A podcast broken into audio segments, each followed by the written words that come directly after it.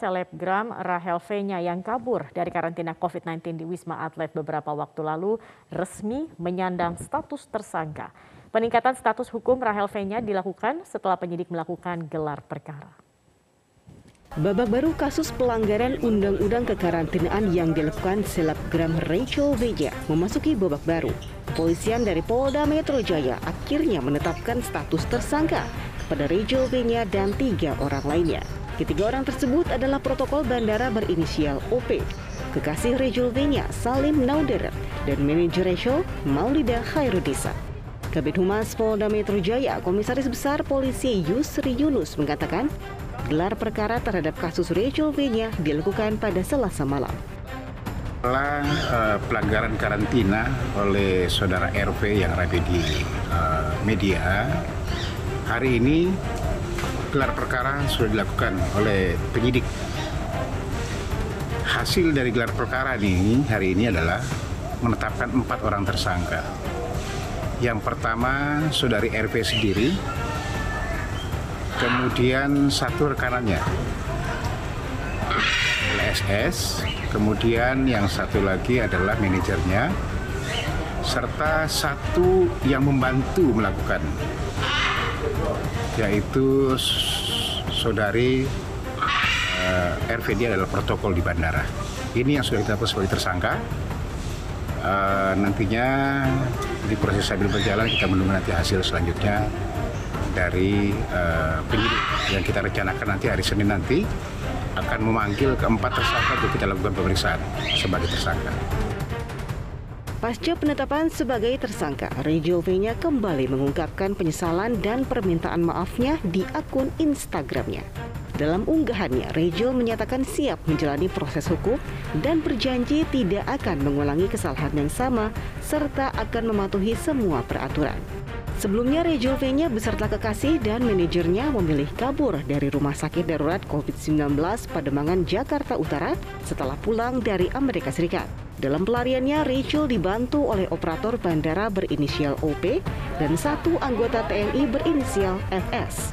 Meski telah ditetapkan sebagai tersangka, namun Rachel V-nya tidak ditahan. Tim Liputan Metro TV. Upaya penyelundupan sabu dengan cara dilemparkan ke dalam lembaga pemasyarakatan di Semarang berhasil diungkap Satuan Narkoba Polrestabes Semarang bersama petugas lapas. Dalam percobaan penyelundupan, pelaku memasukkan sabu ke dalam bola tenis yang merupakan pesanan dari salah seorang napi. Yang terekam kamera CCTV, pelaku melakukan pelemparan narkoba dari luar pagar di samping lapas Kedung Pani, Semarang. Upaya penyelundupan sabu ini dilakukan Reza Erlangga, warga Semarang Utara. Usai melakukan pelemparan, pelaku sempat melarikan diri dan berhasil diamankan petugas lapas. Petugas juga menemukan bola tenis berisi sabu seberat 12,82 gram yang dikemas dalam empat bungkus plastik. Dari hasil pengembangan di rumah Reza, petugas kembali mendapati sabu seberat 14 gram. Dari pemeriksaan terhadap Reza, diketahui sabu dipesan seorang napi kasus narkoba bernama Henry Sanjaya. Untuk sekali melempar, pelaku yang sudah dua kali melakukan aksinya ini mendapatkan upah sebesar Rp500.000. Tersangka Henry mengaku jika pelemparan dengan menggunakan bola tenis merupakan inisiatifnya yang rencananya akan diedarkan di dalam lapas.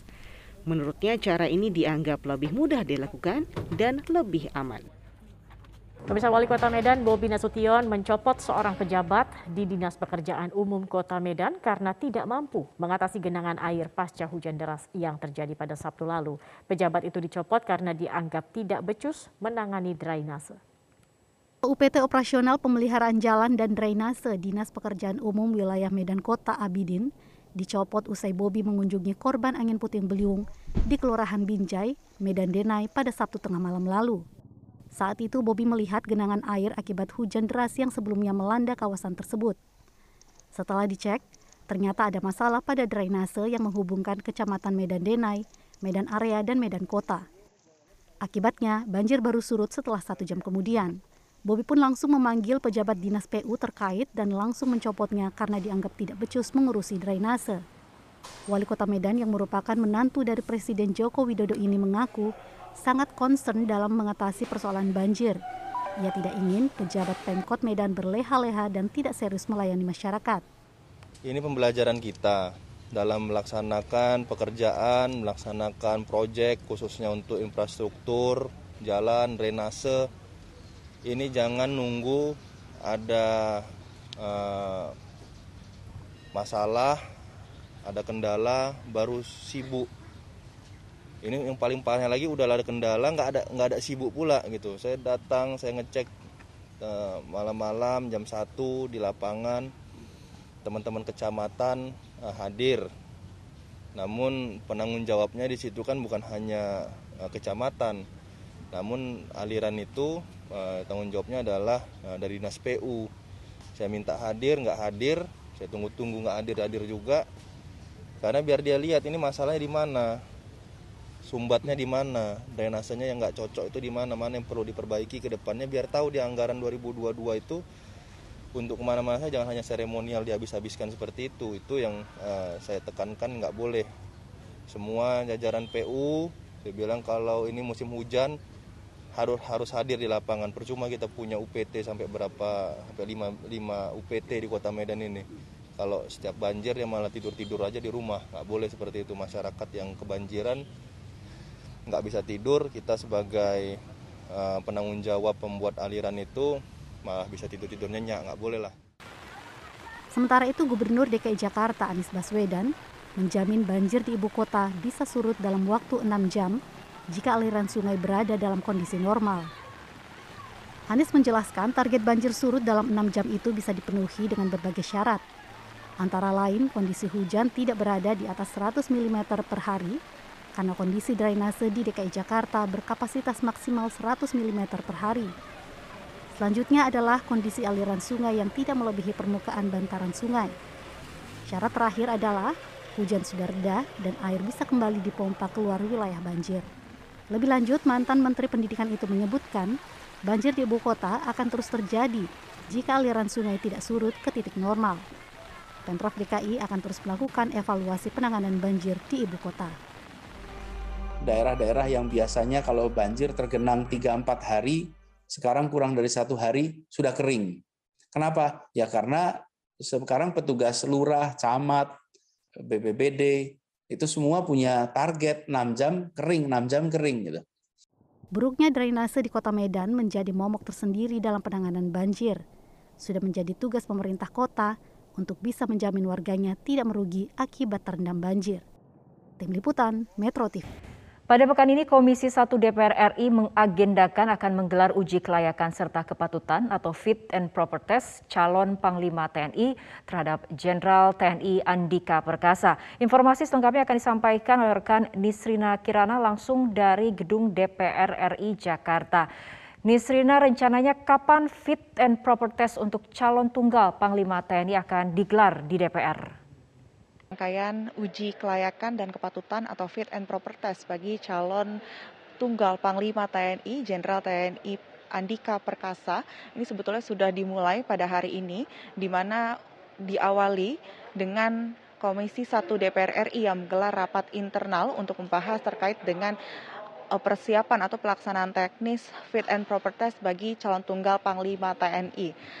Dan untuk rapat internal tersebut tadi sudah selesai digelar pada pukul 16 waktu Indonesia Barat, di mana dari hasil rapat internal Komisi 1 DPR memutuskan untuk pelaksanaan uh, fit and proper test bagi calon tunggal Panglima TNI ini akan diawali dengan proses verifikasi kelengkapan dokumen yang harus dilengkapi oleh calon tunggal Panglima TNI yang akan dilakukan pada esok hari 5 November 2021 pada pukul 11 waktu Indonesia Barat. Dan dipimpin uh, oleh komisi dan juga pihak Kapoksi di mana ada sejumlah berkas administrasi yang harus dilengkapi oleh calon tunggal Panglima TNI. Di antaranya adalah terdiri dari bukti penyerahan laporan kekayaan penyelenggara negara ke KPK. Kemudian yang kedua adalah NPWP. Kemudian yang ketiga SPT pajak tahun terakhir daftar riwayat hidup, serta surat keterangan berbadan sehat. Dan setelah itu, untuk pelaksanaan fit and proper test sendiri ini akan dilakukan pada hari Sabtu 6 November 2021, di mana pada hari itu ini akan dilakukan pada pukul 10 waktu Indonesia Barat dan calon tunggal Panglima TNI Jenderal TNI Andika Perkasa akan hadir secara langsung di mana untuk materi fit and proper test ini bersifat terbuka untuk penyampaian terkait dengan visi dan misi. Dan setelah itu di hari yang sama akan dilanjutkan dengan rapat internal yang digelar oleh pihak Komisi 1 DPR untuk pemberian persetujuan yang rencananya akan digelar pada pukul 13 waktu Indonesia Barat. Dan selanjutnya untuk rangkaian fit and proper test ini akan diserahkan kembali pada pimpinan DPR yang rencananya untuk hasil fit and proper test ini akan diserahkan uh, atau dibawa ke rapat paripurna pada Senin 8 November 2021. Dan diketahui sebelumnya pada 3 November 2021 Presiden Joko Widodo ini telah mengirimkan surat kepada DPR RI yang mana mengajukan nama Andika Perkasa sebagai calon tunggal Panglima TNI yang menggantikan Panglima TNI Marsikal Hadi Cahyanto yang akan segera uh, memasuki masa pensiunnya pada November 2021 ini. Setelah menerima surprise tersebut, DPR RI pun ini uh, kemudian langsung mempersiapkan terkait dengan uji kelayakan dan juga kepatutan atau fit and proper test bagi calon tunggal Panglima TNI tersebut. Dan untuk dinamika di DPR sendiri uh, terkait dengan uh, nama Andika Perkasa sebagai calon tunggal Panglima TNI ini memang disambut baik oleh uh, pihak dari perwakilan fraksi, di mana dari perwakilan fraksi menyebut bahwa Kasat Jenderal uh, eh, TNI Andika Perkasa ini dinilai sebagai uh, sosok yang memiliki semua kualifikasi untuk menjadi Panglima TNI karena Andika Perkasa memiliki jejak karir yang cukup baik dan juga telah menorehkan sejumlah prestasi dan dirinya ini juga dikenal oleh banyak halayak sehingga memang dalam fit and proper process ini banyak pihak yang meyakini bahwa akan berjalan dengan baik.